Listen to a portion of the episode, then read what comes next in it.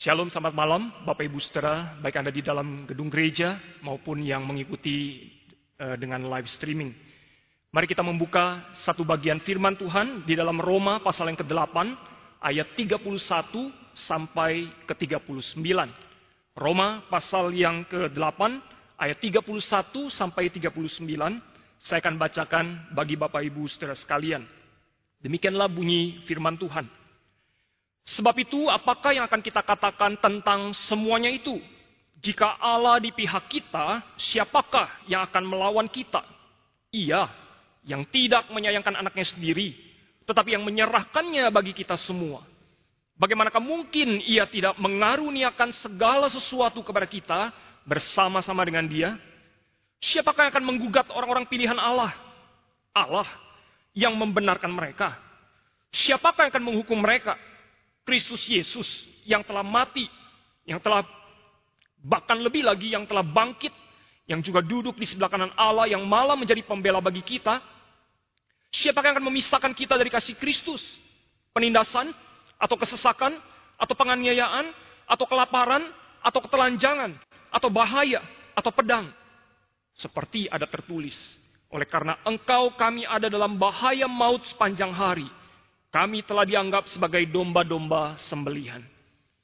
Tetapi dalam semuanya itu kita lebih daripada orang-orang yang menang oleh oleh Dia yang telah mengasihi kita.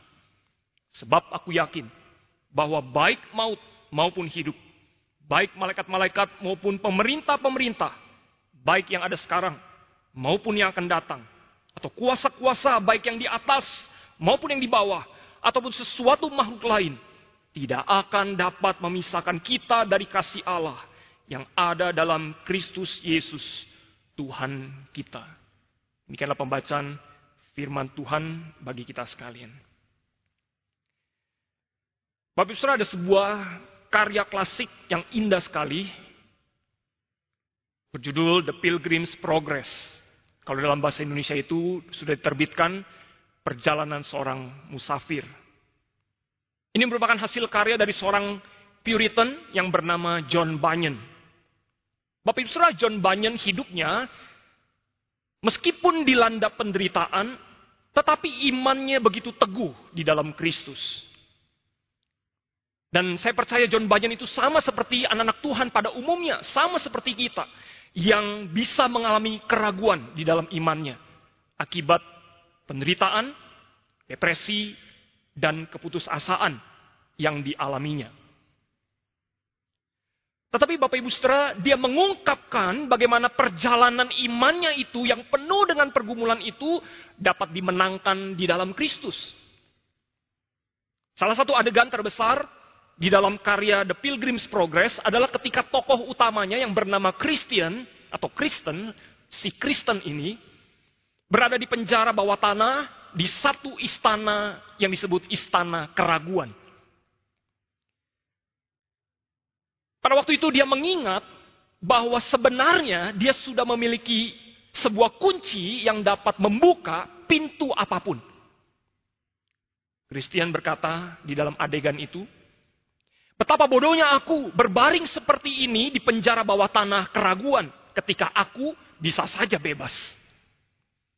Di saku dadaku, dia berkata. Aku telah memiliki kunci yang disebut janji yang pasti.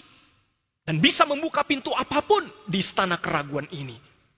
Temannya yang sedang bersama dengan dia di penjara bawah tanah itu, yang bernama si pengharapan, berkata, itu kabar baik. Ayo, segera keluarkan dari saku dadamu dan cobalah buka pintu-pintu itu. Kemudian Christian mengambil dari saku dadanya itu sebuah kunci dan dia mulai mencoba membuka pintu penjara keraguan itu dan pada waktu dia memutar kunci itu pintu terbuka dengan begitu mudah sehingga si Kristen dan si pengharapan ini dapat keluar.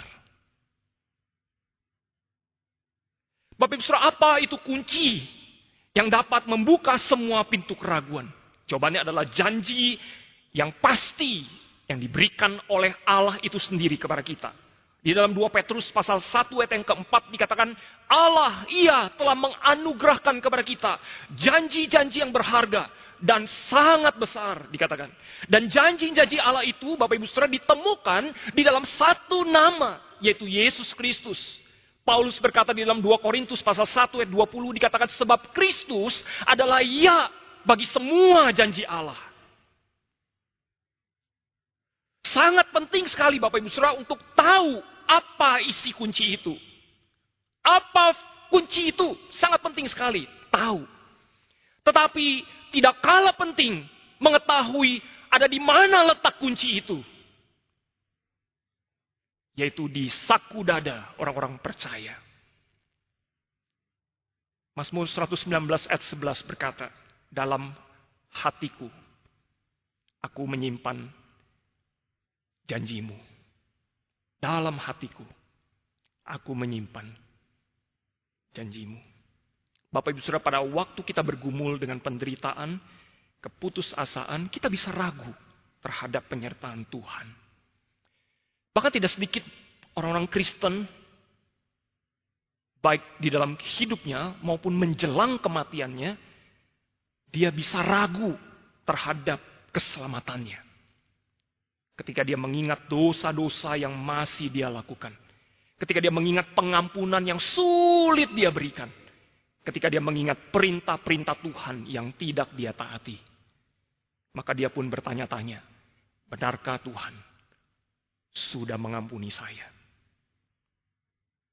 Tapi di tengah semua keraguan kita, Tuhan memegang tangan kita, Dia memeluk kita, dengan hangat dan berbisik dengan lembut bukan kepada kita. Rogoh sakumu. Rogoh sakumu. Bapak Saudara bagian yang kita baca ini merupakan klimaks dari apa yang Paulus sampaikan. Dari pasal 5, bahkan ada yang berkata dari pasal yang pertama. Karena di ayat 31 di situ dituliskan, sebab itu apakah yang akan kita lakukan tentang semuanya itu. Kata semuanya itu mengacu kepada apa yang Paulus sudah sampaikan di bagian-bagian sebelumnya. Paulus berbicara apa? Bapak Ibu Saudara, Paulus berbicara tentang manusia yang berdosa yang tidak bisa selamat dengan dirinya sendiri, dengan usahanya sendiri. Paulus berbicara tentang maut, Paulus berbicara tentang hukuman kekal, Paulus berbicara tentang keselamatan yang dikerjakan oleh Kristus di kayu salib. Paulus berbicara tentang pembenaran melalui iman. Paulus berbicara tentang Roh Kudus yang memeteraikan keselamatan itu di dalam diri kita untuk selama-lamanya. Dan semua itu Bapak Ibu Saudara dirangkum oleh Paulus di ayat 31 dengan satu frasa yang sangat indah. Jika Allah di pihak kita, kalau Allah bekerja untuk kita, kalau Allah bersama-sama dengan kita, siapa dapat melawan kita? Dan Paulus memakai pertanyaan-pertanyaan retoris, yaitu pertanyaan yang sebenarnya tidak perlu dijawab karena kita sudah tahu jawabannya. Dan pertanyaan retoris ini Bapak Ibu Saudara itu dipakai biasanya pada waktu itu untuk mengakhiri sebuah perdebatan. Bahwa sebenarnya tidak ada lagi yang perlu diperdebatkan. Karena tidak ada seorang pun dan tidak ada satu hal pun yang dapat melawan kita kalau Allah ada di pihak kita. Tapi Paulus tidak mengatakan bahwa orang-orang percaya kemudian bebas dari segala perlawanan di dunia ini. Tidak. Sebaliknya, di bagian-bagian berikutnya, Paulus berkata ada banyak usaha-usaha, baik itu manusia, Baik itu makhluk-makhluk spiritual. Iblis, setan. Yang akan berusaha melawan kita dan membuat kita ragu akan keselamatan kita. Yang pertama kita berbicara tentang secara spiritual Bapak Ibu Saudara. Bahwa kita itu akan menerima teror. Bahwa pada waktu penghakiman terakhir dan penghukuman kekal nanti, setan dan dosa-dosa kita akan mendakwa kita. Bahwa kita adalah orang berdosa dan kita patut untuk dihukum. Paulus di ayat 33 memakai kata menggugat. Dia memakai kata menghukum. Dan itu semua menunjukkan sebuah pengadilan kekal Allah. Itulah mengapa maut atau kematian begitu menakutkan di dalam keraguan kita bukan? Mati bukan lagi sebuah keuntungan seperti yang diucapkan dan diimani oleh Paulus, tetapi mati adalah sebuah teror yang mengerikan. Tetapi Paulus mengingatkan kita bahwa kalau Allah sudah di pihak kita, tidak ada satu orang pun, tidak ada satu makhluk apa pun yang berhak menggugat dan menghukum kita.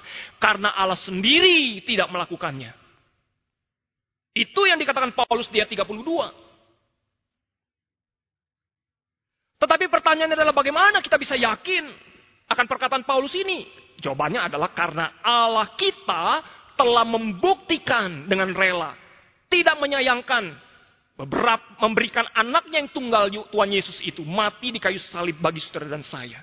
Itu tidak perlu diperdebatkan Bapak Ibu Saudara. Itu sudah jelas.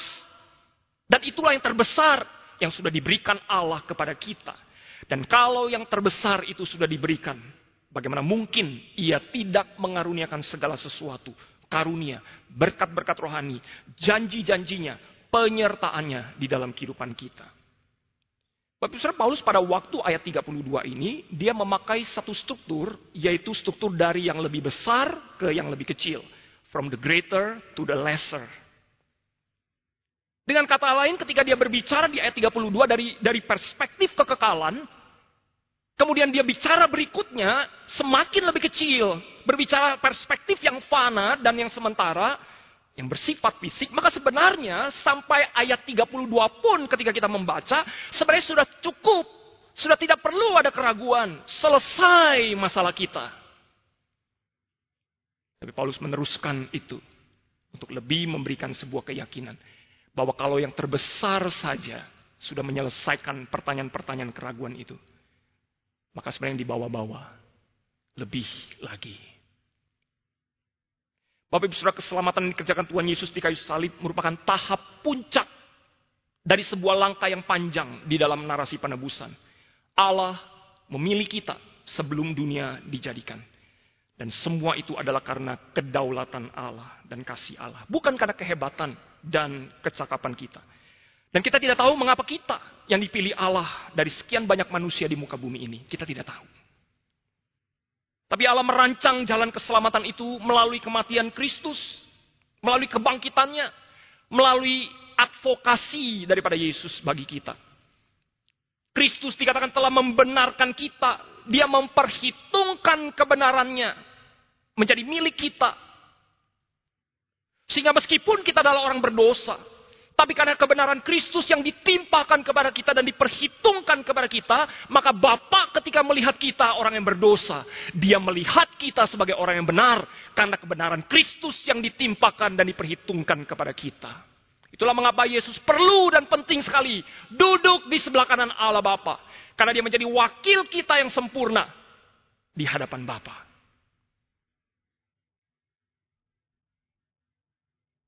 Yesus adalah gembala agung. Dan kita adalah domba-domba milik kepunyaannya.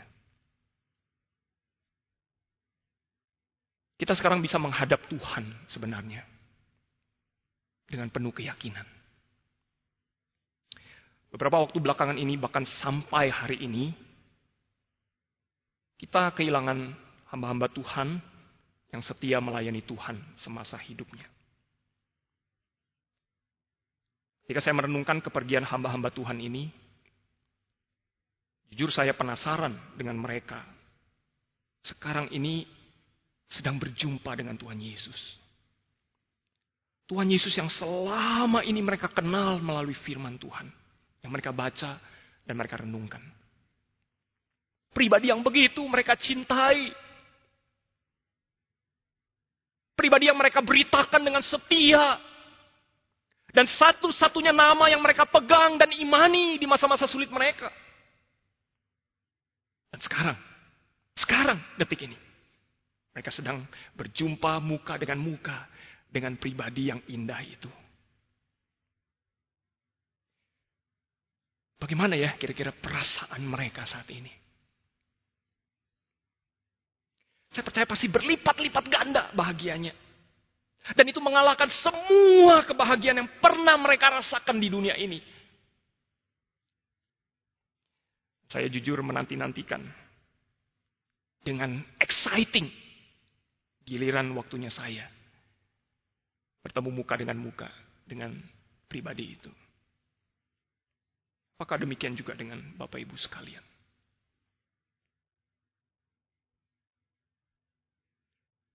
Ini kita bicara tentang yang spiritual yang berusaha melawan kita. Tidak ada satupun. Nah sekarang kita bicara tentang yang dunia fananya. Yang fisik, yang berusaha untuk melawan kita. Paulus berkata di ayat 35, mendaftarkan penderitaan yang telah diterimanya semasa dia ikut Tuhan Yesus.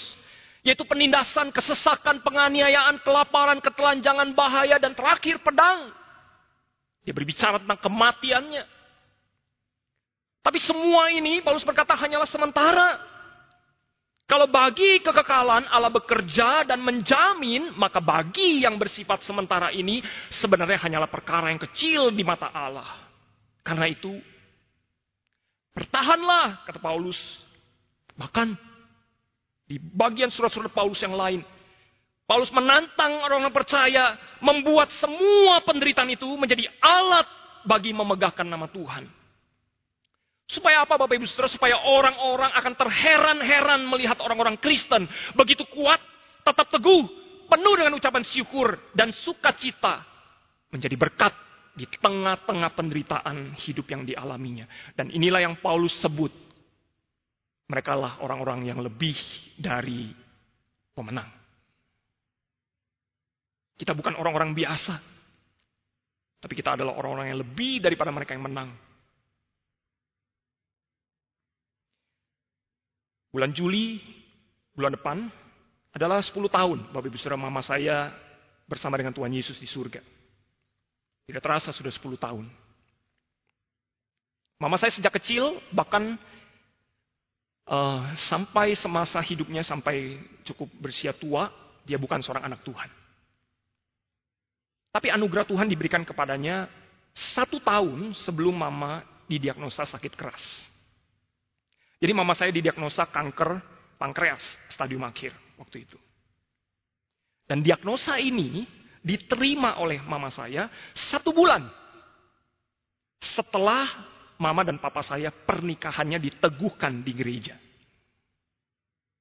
Mereka juga adalah seorang ada jemaat GKI. Wah kami sangat berbahagia ketika men, me, me, melihat Papa mama boleh mengenal Tuhan Yesus dan mereka mengikut Tuhan Yesus. Tapi kebahagiaan itu sirna ketika mama sakit. Satu kesaksian yang bisa saya bagikan Bapak Ibu Saudara adalah imannya kepada Tuhan Yesus. Meskipun selama mendampingi beliau, imannya saya lihat memang iman yang seperti biji sesawi. Kecil sekali. Pernah dia bertanya kepada saya, Guan, coba kamu jelaskan kepada mama. Kamu kan hamba Tuhan, kamu ngajar lagi. ya. Kenapa mama sudah percaya Tuhan Yesus, kok dapat penyakit seperti ini? Coba kamu jelaskan. Bapak Ibu Saudara, kalau ada orang yang bertanya saat ini seperti itu, kita bisa jawab apa? Apa yang bisa kita jawab? Jujur saya, kata saya tidak tahu, mah. Apa yang saya tahu Tuhan baik sih.